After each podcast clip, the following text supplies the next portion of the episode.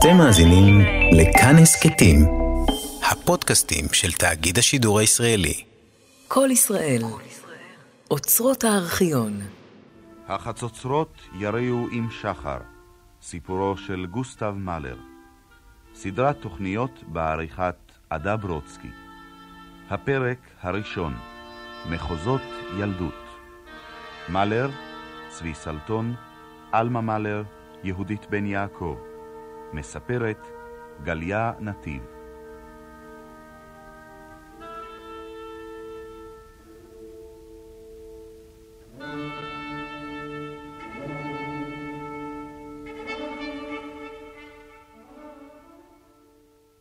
מן הקסרקטין הסמוך מגיע כל תרועת השחר. הילד פוקח את עיניו מבלי להתעורר, מחייך לעבר החלון, שותה מתיקות, שותה עדנה, וצונח חזרה אל חלומותיו ששינו לפתע את צבעם. לכשהמולת הבית המקדמת יום החולין תעקור אותו משנתו, שוב לא תהום החצוצרה אלא בליבו פנימה. אך דבר זה לא יגרום לו דאגה, שכן עוד רבות ההנאות הצפויות לו במשך היום. במטבח תיתן המשרתת המורבייה את קולה בשיר, שיר תוגה מסתלסל ללהבה ונטישה, ואחותה, זו המסלקת את תקוותיו של ליל שכרות מן הפונדק בקומת הקרקע, תענה כנגדה בהרמוניה מאולתרת, שלשמעה יעמוד נטוע במקומו, כלי שכל כולו קשב.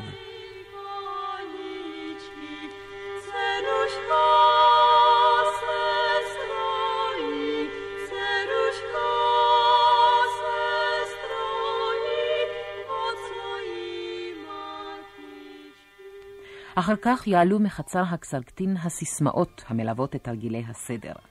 הגדוד ייערך למצעדו היומי ויעבור ברחובות העיירה עם נקישות תופים וצפצופי חלילונים. הוא כבר יעמוד אז ממתין לפני פתח הבית עם מפוחית היד שלו, נקודה זעירה בנוף ההומה, ואם יסתייע הדבר ואיש לא יעכב בעדו, אף ירוץ כברת דרך בצידי הצועדים ובמשיכה ודחיסה קדחתנית של כנפות הכלי, יצרף את מנגינתו הקטנה אל התרועה הגדולה, הצוהלת. פעם הגיע כך עד כיכר השוק, ילד שחור שיער בחוטונת לבנה, ושם ערך קונצרט זוטה לפני הירקניות והחלבניות, עד שנגמרה כל תוכניתו של מרשים ופולקות ומזמורי עם, ואחת הנשים אחזה אותו בידה והוליכה אותו הביתה. בשעות של אחר הצהריים יש תזמורת הגדוד בניצוחו של סרן הדור בשפמו, עורכת חזרה לקראת הקונצרט של יום א'. הילד אז יסתופף אי שם בסמוך, עובד בתוך קהל הסקרנים, ויתפלל בליבו שהזמן יעמוד מלכת, והקסם לא ייתם לעולם. יום יבואו לכל הקולות האלה גם יחד, התרועות ונעימות הלכת והמחולות והשירים, ידע לקרוא בשם ילדות, ולהעלותם מנבחי הווייתו כל אימת שיתקפו הכיסופים אל דבר זה בלא דמות, אשר הותיר בו לאורך ימים צלקת של אובדן. אדם צריך שיתרפק על ילדותו, ואם אין ילדותו אלא חלום רע, יפנה אל החצוצרות של שחר, ויהרוג לו מהן את גן העדן, שהיה ואיננו עוד.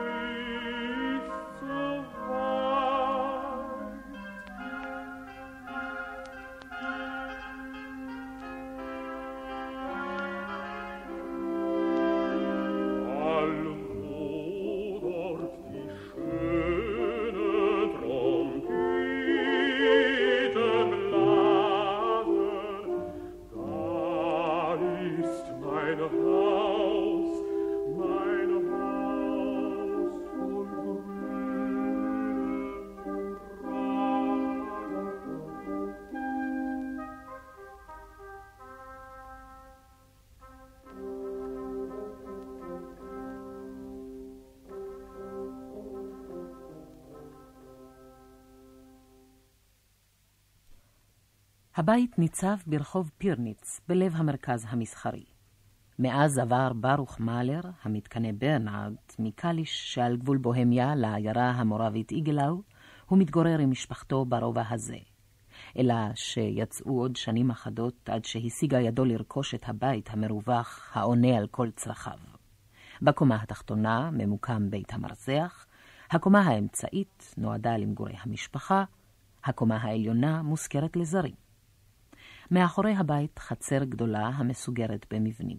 משרפת היש, חנות המכולת, המחסנים, מגורי העובדים. ברוך ברנרד, שהתחיל את דרכו כרוכל נוסע בדרכים, נעשה פטרון. על הקיר בחדר המגורים אף מתנוססת התעודה המכריזה עליו כעל אזרח חוקי של העיירה איגלאו, על אף היותו יהודי ואיש מקרוב בה. את העסק שממנו הוא מוציא את לחמו איננו מחבב, אך מנהלו ביד רמה, אף כי לא תמיד על טהרת התקנות העירוניות. פעם אף נקנס בידי המשטרה על שהעסיק בפונדקו ארבע פרוצות, שלא כחוק. על משרפת היש מדברים במשפחה כעל בית החרושת, על דרך ההידור. מקץ ארבעים שנה עוד יאסור מנהל האופרה הבינאית גוסטב מאלר על כותב קורותיו הראשון לקרוא לילד בשמו, ויציע להצמיד לאביו תואר של תעשיין, או לפחות של סוחר. לו רשאי היה ללכת אחר משאלות ליבו, היה ברנרד מאלר מושך ידו מן העסקים ונעשה משכיל.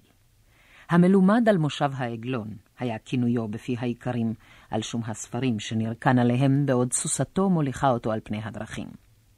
בחדר המגורים של הבית ברחוב פירניץ אוסף נאה של ספרים שכולם מעידים על דבקותו הנלהבת של בעליהם בתרבות הגרמנית.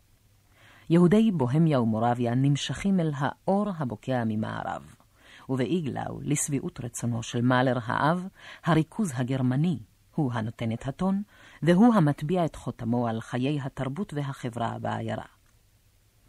פדגוג הפסנתר הבינאי יוליוס אפשטיין מורו של מאלר לעתיד, מדבר על אבי תלמידו מתוך אהדה זהירה שההסתייגות מבצבצת בה בין השיטין. האב עשה עלי רושם של אדם עניו, אף כי בלתי מרוצה כלשהו. הוא ידע להתמצא בספרות, והשקיע להט רב במאמציו להתנתק מן ההוואי שבתוכו גדל. בסך הכל נראה לי אב מסור, דואג ושוחר טוב. על יחסו של הבן אל אב מסור, דואג ושוחר טוב זה, כותבת עלמה מאלר, רעיית המלחין, בזיכרונותיה. מעולם לא שמעתי מפיו אף מילה אחת של אהבה לאביו. ואילו את אמו אהב בלא מצרים, כמעט בחזקת תסביך. צמאון הדעת ושאיפות ההתבוללות של ברנרד מאלר אינם מעדנים את דרכיו. הוא איש ברוטלי ועריץ, המשתכר תכופות שלא כדרך בני עמו, מחזר בלא בושה אחרי המשרתות, מכה את ילדיו ומתעלל באשתו החולה וחסרת האונים.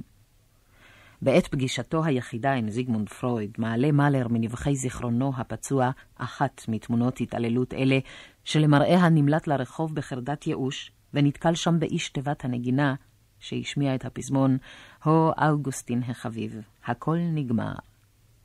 מאז אותו מקרה, כך מסביר מאלר לפרויד, נקשר בו הפתוס הטרגי קשר כפייתי עם ההמוני והנלעג, ואין ביכולתו לבודדם זה מעל זה ככל שירצה.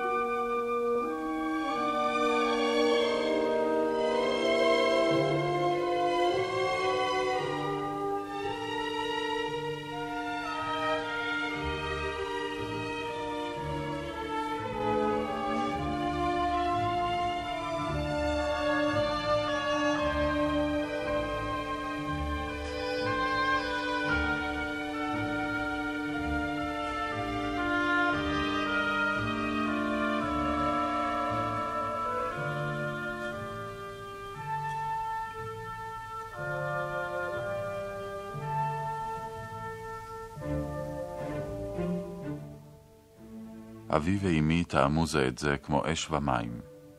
הוא נוקשה ועיקש, היא כולה רוך וכניעות. היא לא אהבה את אבי, בקושי הכירה אותו לפני נישואיה, וביקשה להינשא לאיש אשר לא הכתה אהבה. אבל הוריה ואבי שברו את רצונה, וכפו עליה את רצונם שלהם. היא הייתה אישה חלושת גוף, ולוקה במחלת לב. היא ילדה לאבי ארבע עשר ילדים, וקברה תשעה מהם. כל ילד שילדה, כל ילד שקברה, אכל מכוחה. בסוף לא הייתה אלא בריאה מעונה ומעוררת רחמים, שאיש שאינה מבינה ושאינו מסוגל להבין אותה, רודה בה ויורד לחייה. היא חייתה כמו בתוך כלוב, כמעט ולא ראתה את אור השמש מרוב העמל, התנוונה וגבעה. לאחר שמזה שנים כמעט ולא נותרו בה עוד לא נשימה ולא כוח חיים. דמותה המעונה של אמו עמדה תמיד לנגד עיניו. בלי דעת ביקש לכפר בייסורים על ייסוריה. פעם אמר לי, פנייך שלבות מדי, חסרים בהן עקבותיו של הסבל.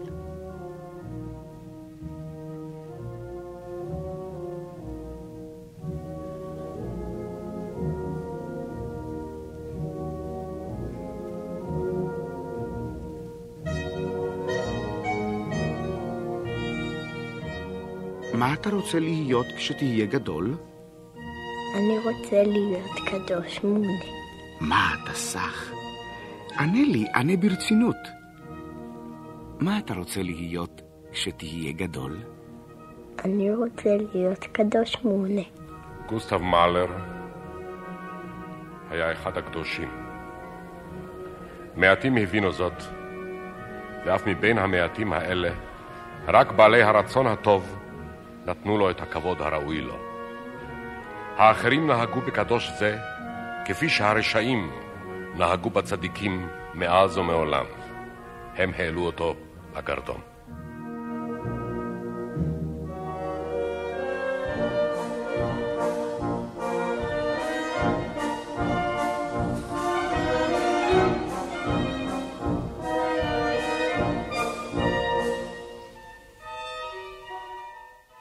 מה אתה רוצה להיות כשתהיה גדול? אני רוצה להיות קדוש מונה.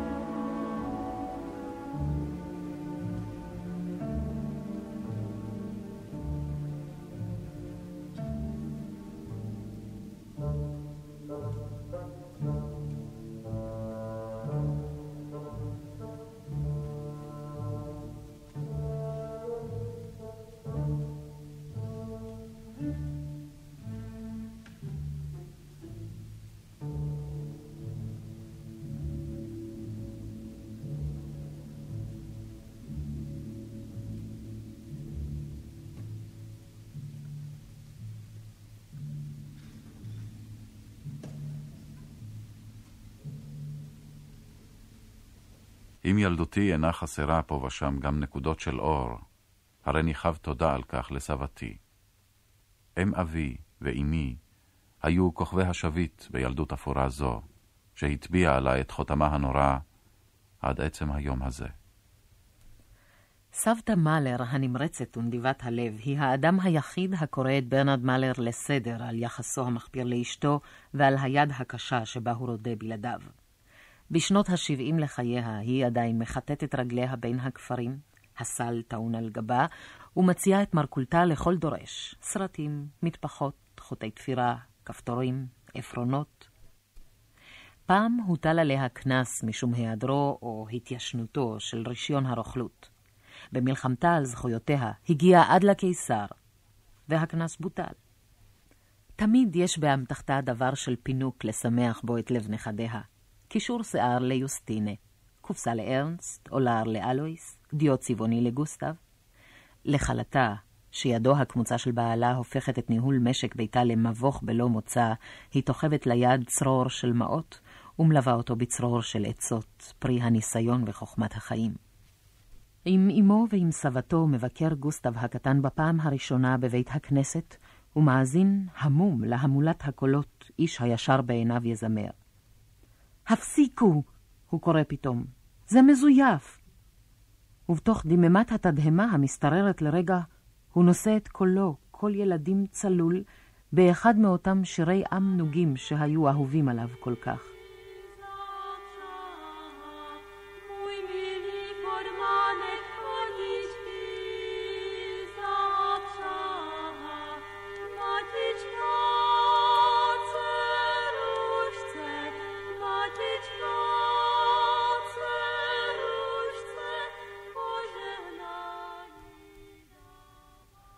סבתא מאלר מתגוררת בעיירה דויטשברוד, כ-20 מיל מאיגלאו, ולפיכך אין לסמוך עליה בעת צרה. כדי להתמודד עם היום-יום העגום, מוצא לו הילד גוסטב דרך משלו. כדי להימלט מן הדברים שהתרחשו סביבו, שקע בעולם משל עצמו. אחוז חלומות התהלך בבית וברחוב. אחוז חלומות ישב בחדר הכיתה. אחוז חלומות עבר את שנות ילדותו. בלי הרף טרחו להעירני ולגרור אותי מחלומותיי אל המציאות, שהייתה שנואה עליי כל כך. גוסטב, אל תחלום! כמה סלדתי מקריאה זו. אך כל התוכחות היו לשווא, ולא עוד, אלא שנסחו על שגיאה זו בחלומות, מטעמו המתוק של החטא. מדברים אליו, והוא אינו שומע. הוראות, אזהרות ונזיפות חולפות על פניו כאילו נתכוונו לאחר. קשיבותו נתונה לקולות האחרים, האמיתיים. קולות של זמרה ונגינה, קולות שבטבע, קולות שבתוכו. שב פה וחכה לי, מצווה עליו האב יום אחד בשובם מכפר שכן, ונחפז לענייניו. רק בערב הוא נזכר ששכח את בנו הקטן על ספסל בודד ביער. הוא יוצא בבהלה לחפש את הילד, ומוצא אותו ישוב ממש כפי שהניחו.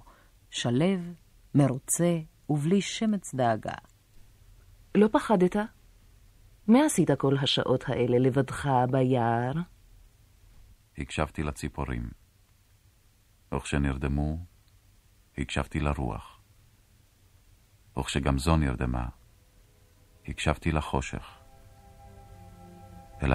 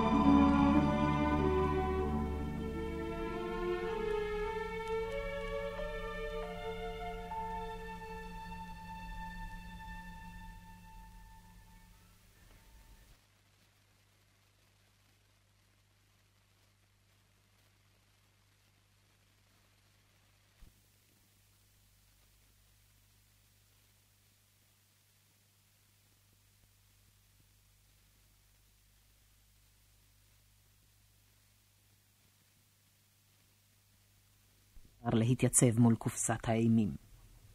הפחד עודנו נשקף מעיניו, עיניים כשתי בארות שחורות, עיני הילד היהודי הנרדף של כל הדורות. שפתיו הדוקות, שערו בוהק בשחורו, פניו בחברונם. הוא לבוש בחליפת ילדים כהה ובכותונת לבנה בעלת צווארון עגול, מהודר. ביד ימינו השמוטה הוא אוחז את כובעו. דמות זעירה המעוררת רחמים ועניין כאחד. שתיל אדם בראשית צמיחתו. אבל ליד הילד הקטן הזה הוצב כיסא של טרקלין ועל מושבו גיליון תווים. ידו הלבנה של הילד מתעגלת על גבי גיליון זה בתנוחה של רוך. כך, בתנוחת יד לבנה על גיליון של תווים, ציירו את מוצרט הצעיר. גוסטב מאלר בן השש מונצח בתצלומו הראשון כילד פלא של המוסיקה.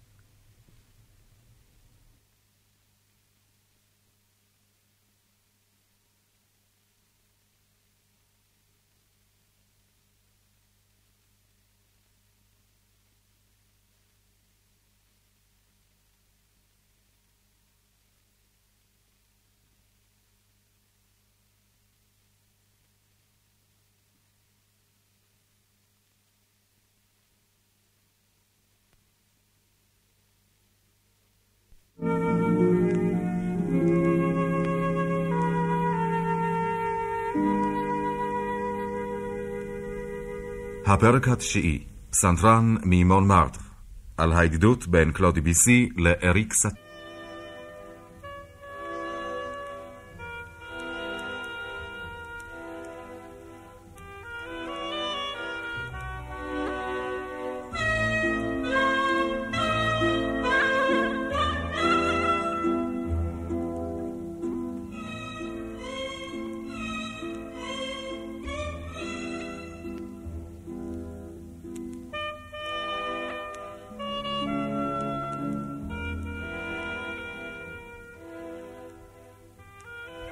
הרגע שראיתיו לראשונה, נמשכתי אליו והשתוקקתי להימצא בקרבתו. במשך שלושים שנה זכיתי באושר שבהגשמת משאלה זו. אריק הוא תלמיד קטן ונטול חשיבות בכיתת הפסנתר של מסיה מתיה. אשיל הוא נער הפלא בכיתת הקומפוזיציה של גירו. אשיל הוא מועמד לפרס רומא, ואילו בפנקס ההישגים של אריק כתוב נער דל כישרונות. במשך שלושה חודשים לא הספיק ללמוד אלא שיר בלי מילים אחד של מנדלסון, שגם אותו... בהיותו בן שש, מזמינים הביתה את הצלם. גוסטב מפחד. הוא חושש שיישאר לחוד בתוך התמונה לכל ימי חייו. רק לאחר שאביו מסתכן תחילה ויוצא בלא פגיעה, הוא נעתר להתייצב מול קופסת האימים. הפחד עודנו נשקף מעיניו, עיניים כשתי בארות שחורות. עיני הילד היהודי הנרדף של כל הדורות. שפתיו הדוקות, שערו בוהק בשחורו, פניו בחברונם. הוא לבוש בחליפת ילדים כהה ובכותונת לבנה בעלת צווארון עגול, מהודר. ביד ימינו השמוטה הוא אוחז את כובעו. דמות זעירה המעוררת רחמים ועניין כאחד. שתיל אדם בראשית צמיחתו. אבל ליד הילד הקטן הזה הוצב כיסא של טרקלין ועל מושבו גיליון תווים. ידו הלבנה של הילד מתעגלת על גבי גיליון זה בתנוחה של רוך. כך, בתנוחת יד לבנה על גיליון של תווים, ציירו את מוצרט הצעיר. גוסטב מאלר בן השש מונצח בתצלומו הראשון כילד פלא של המוסיקה. בעת ביקור בלדץ', אצל הורי האם, שנתקנו בפי המשפחה בשם הדוכסים על שום אורח חייהם המעודן, נעלם הילד גוסטב, ונתגלה לבסוף בשבתו אל פסנתר ישן בעליית הגג. בתוך פרק הזמן הקצר של היעלמו, הספיק לתרגם את אוצר מנגינותיו ממפוחית היד הזעירה שלו אל כלי הפלאים שדוגמתו לא ראה מעולם קודם לכן. לתדהמתו, לא ננזף. כי אם זכה בדברי שבח והתפעלות. בשוב המשפחה לאיגלאו, ממהר האב לבשר את התגלית למיודעו ותומכו, הברון היהודי שי פון קורומלה, בעל בית חרושת לטבק, שהנחיל לו את תואר האצולה. ההתלהבות רבה. אין טוב ממוצרט יהודי כדי להרשים את הגויים ולקדם את תהליך האמנציפציה. בהמלצתו של הברון, ואולי אף בסיועו, נרכש פסנתר למען ילד הפלא, ומועלה בדי עמל דרך בית המדרגות הצר של הבית ברחוב פירניץ אל חדר המגורים בקומה השנייה. מעתה הייתי שבוי בעולם חדש זה, שנפתח לפניי כמו באורח פלא. שוב לא ידעתי אף שעה של חיים, אם של אושר ואם של כאב, שהמוסיקה נעדרה ממנה. היא הייתה לי הכל מכל כל. אני הייתי המוסיקה, והמוסיקה הייתה אני.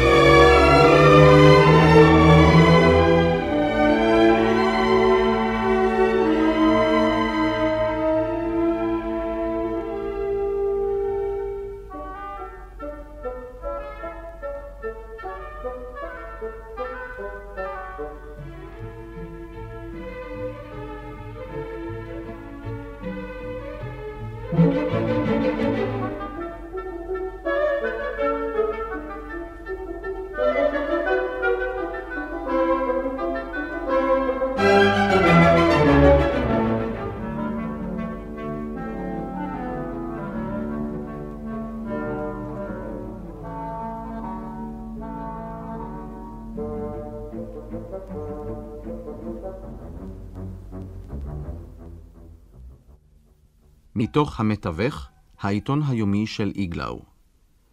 ב-13 באוקטובר 1870 נערך כאן קונצרט יוצא דופן מחוץ לסדרת המנויים, שבו ילד בן תשע, בנו של סוחר יהודי מעיר זו, מאלר שמו, הופיע לראשונה בנגינה בפסנתר לפני קהל גדול. למעשה מלאו לו עשר לפני ארבעה חודשים. ההצלחה שנחל הווירטואוז לעתיד אצל מאזיניו הייתה רבה, ובלא ספק הייתה רבה עוד יותר, אילו הועמד לרשותו של האומן הצעיר פסנתר שאיכותו שווה לאיכות הנגינה. מיטב מוסיקאי העיירה מתגייסים בזה אחר זה לקידומו של ילד הפלא. נגן הקונטרבס סלדקי והקפלמייסטר ויקטורין מובלים בדהרה עד קצה ידיעותיהם. לפרופסור ברוש, מורה לפסנתר וכנר בתזמורת התיאטרון, מאגר מלא יותר, אך גם הוא אינו מלקק דבש. סופו שהוא מזעיק את ההורים כדי ללמוד מפיהם מהם האמצעים המבטיחים ביותר כדי לרסן את אהבת הלמידה הפראית של תלמיד יוצא דופן זה. עד מהרה רצות אצבעותיו של הילד גוסטב על גבי הקלידים כאילו זה מנהגן מאז ומעולם, ועיניו רצות בין דפי התווים, משל היו סיפורי מעשיות של בכשטיין או של גרים. מן הספרייה העירונית ומארכיון התיאטרון הוא מוביל הביתה צרורות של תווים להתוודעות ולהתענגות. עיבודי פסנתר של סימפוניות, מחרוזות של קטעי אופרה וכל חיבורי האופנה. עדיין אינו עושה הבחנות. הכל טוב ומהנה באותה המידה. פעם שאלתי את ברוש איזו מוסיקה יפה בעיניו יותר, זו של בטהובן או זו של טאוזיג. השאלה הפתיעה אותו, והוא התקשה להחליט. ממש כמוני. וכבר היה מורה בעצמו. אחד מבני השכנים מתייצב אצלו לשיעורי נגינה בשכר חמישה קרויצר לשעה.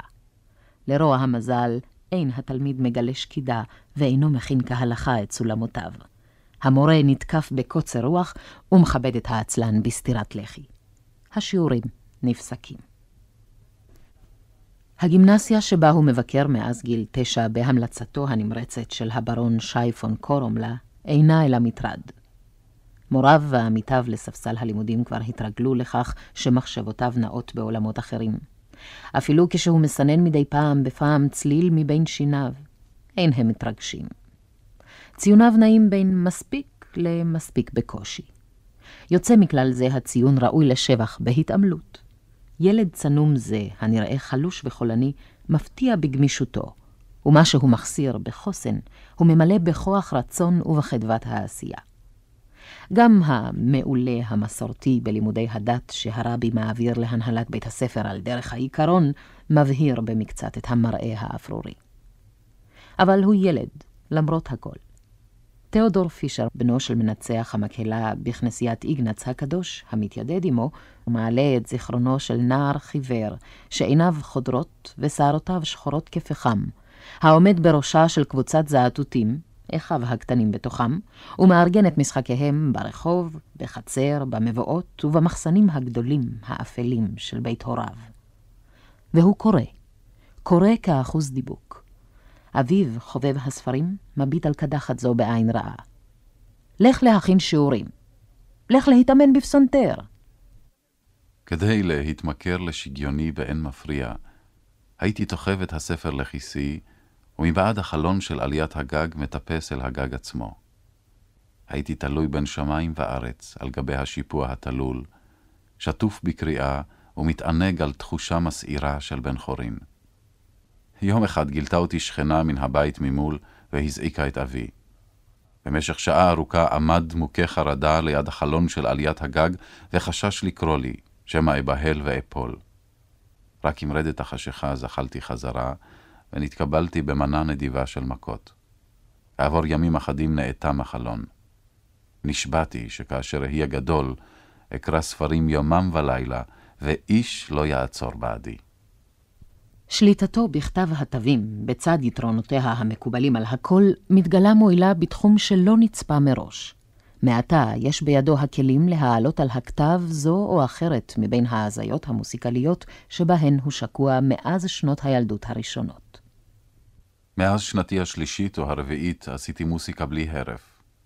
התחלתי להלחין עוד בטרם ידעתי צורת תו. עכשיו הוא יודע, וזה טוב. חיבורי הילדות לא נשתמרו. בבית אין מייחסים חשיבות לזווית זו של כישרונו. אבל תיאודור פישר זוכר אחדים מהם. הוא זוכר גם את השם שקרא המלחין הצעיר על חיבור הביקורים שלו, פולקה עם מבוא של מרש אבל. וכבר קבעו החוקרים שאין רובד בצירתו של מלחין זה, שזרעיו לא נבטו בימי הילדות.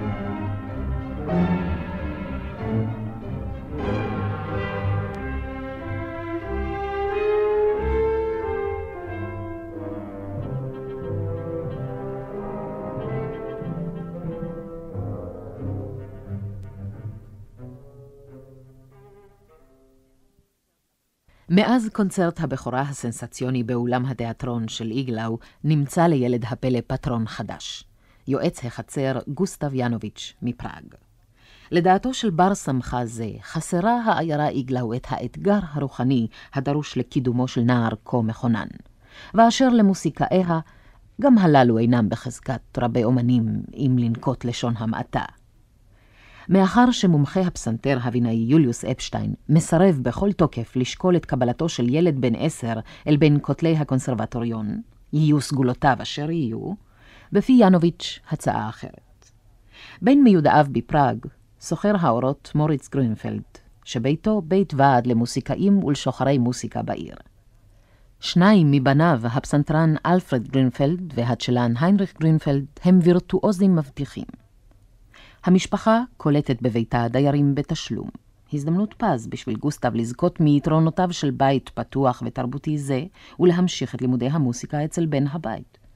הגימנסיה הגרמנית בפראג, שבה יירשם לשם המשך לימודיו התיכוניים, ידועה אף היא ברמתה המצוינת. היכן מסתתר בעל ההצעה במשך 11 החודשים שבהם מתנשא הילד גוסטב בתוצאותיה הלכה למעשה? אין לדעת. אם הוא אכן מתעניין בשלומו של בן חסותו בבית המשפחה האומנת, נראה שלא ניחן בראייה חדה במיוחד. בבית גרינפלד סבל מרעב ומקור. בגדיו החמים, אפילו נעליו, שימשו את ילדי המשפחה, בעוד הוא יוצא לבית הספר בלא מעילו ובקבקבים של עץ. תזונתו הייתה עלובה ביותר. את חבילות המזון ששלחה לו אמו לא זכה לראות, לא כל שכן לטעום מתכולתן. בקרב המשפחה היה מבודד לגמרי. איש לא שם לב אליו, מטוב ועד רע. על כך אלפרד גרינפלד. בבית הוריי נזדמנו לעתים קרובות עם ידידים ומכרים לשם נגינה בצוותא. במשך זמן מה נראה בפגישות האלה נער כחוש וחיוור שהתאכסן אצל הוריי, והזכור לי בעיקר משום בלורית שערו השחורה כפחם. איש מאיתנו לא מצא בו שום סגולה מיוחדת. שמו היה גוסטב מאלר. לארנסטינה גרינפלדובה, אחייניתו של אלפרד, תוספת משלה. הילדים בבית גרינפלד היו חבורה של בריונים צעירים, שופעים חיים ועליזות, ולעולם עסוקים בקנוניות ובתעלולים. ביישנותו הקיצונית של גוסטב הביאה אותם לידי ייאוש. הם פשוט לא ידעו מה לעשות בו. ומאלר עצמו. אני זוכר שסבלתי ממחסור ומהזנחה, אבל לא התייסרתי בשל כך יתר על המידה. סבור הייתי שכך זה צריך להיות. אבל הוא זוכר גם שהפתיע את אלפרד בחדר אפל בעת ניסיון ברוטלי לתנות אהבים עם הנערה המשרתת.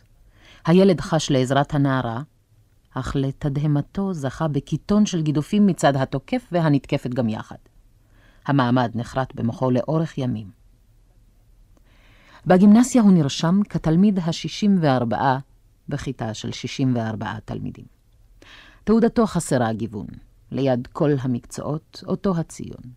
בלתי מספיק. זמן מה לפני תום שנת הלימודים, מופיע האב בפראג לביקור של פתע, מוליך את בנו למסעדה, שם לפניו ארוחה טובה, וחוזר לבדו לבית גרינפלד כדי לאסוף את חפציו של הילד, לסלק את החשבון, ולומר לבעלת הבית מה שראוי שייאמר. בשובו הוא מוצא את גוסטב ישוב בלי נוע ליד השולחן. עיניו בוהות נחחן. כולו שקוע בהזיותיו, כמו פעם, על ספסל, בלב יער. בשובו הביתה, מתברר שחל בו שינוי. פתאום לא יכולתי עוד לחבק את אמי ככל שאהבתיה. כאשר שמעתי אותה במסדרון ליד הדלת, מאזינה לנגינתי בגניבה, מיד הפסקתי לנגן ולא הסכמתי להמשיך עד שלא הלכה לה. לא רק יכולתי להחזיר את הגלגל אחורנית. והרי ידעתי עוד גם אז שהשמחה במוסיקה שלי והציפייה לעתיד שלקראתו אני הולך, הן קרן האור היחידה בחייה העגומים. רק ארנסט, אהוב האחים, צעיר ממנו בעשרה חודשים בלבד, מוזמן אל חדר הנגינה בכל עת שירצה. לפני ילד זה הוא פותח את ליבו לרווחה. הוא גם מחנך אותו, משיא לו עצות, מטיף לו מוסר, לחיבורי המוסיקה שהאח כה אוהב להאזין להם, הוא מצמיד עלילות מרתקות כדי לשעשעו. הנה למשל החייט הזה, קקדו. כל וריאציה ווריאציה בחיבורו של בטהובן מתארת פרק בחייו של בעל המלאכה הדלפון. בווריאציה האחרונה, משיר אחרת, מובא האיש לקבורה, והרי הוא משתווה עתה למעלתם של שועים ומלכים.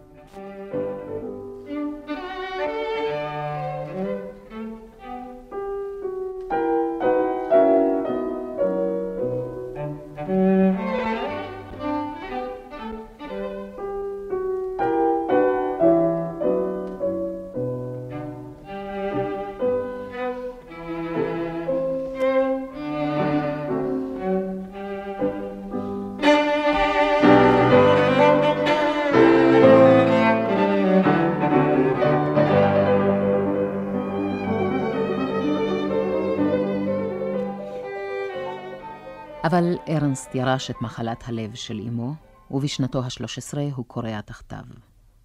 בשבועות האחרונים אין גוסטב מש ממיטתו.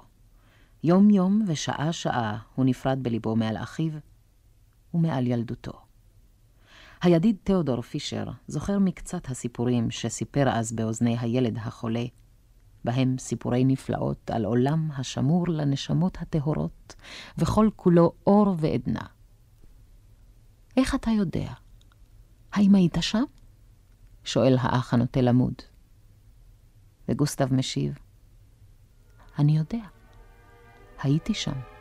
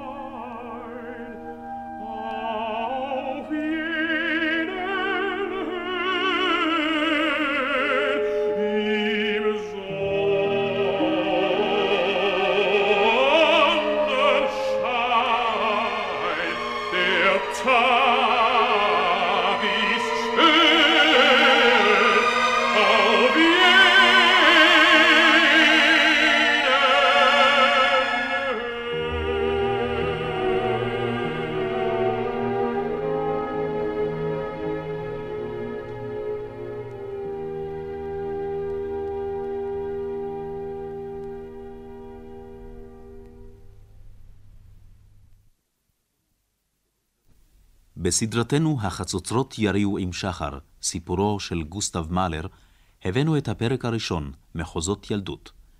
מדבריהם של גוסטב ואלמה מאלר קראו צבי סלטון ויהודית בן יעקב. עוד השתתפו יעקב בוך, נוגה כהן ואבנר חנני. קטע מתוך נאומו של שנברג לזכרו של מאלר קרא יוסף ידין. סיפרה גליה נתיב. מיצירות מאלר שמענו בתוכנית את שיר קרן הפלא באשר החצוצרות היפהפיות פוצחות תרועה, וכן קטעים מתוך הסימפוניה הראשונה, השישית, הרביעית, השביעית, ומתוך שירי מות ילדים. הביצוע הטכני היה בידי מוטי ארנון. את התוכנית ערכה עדה ברודסקי.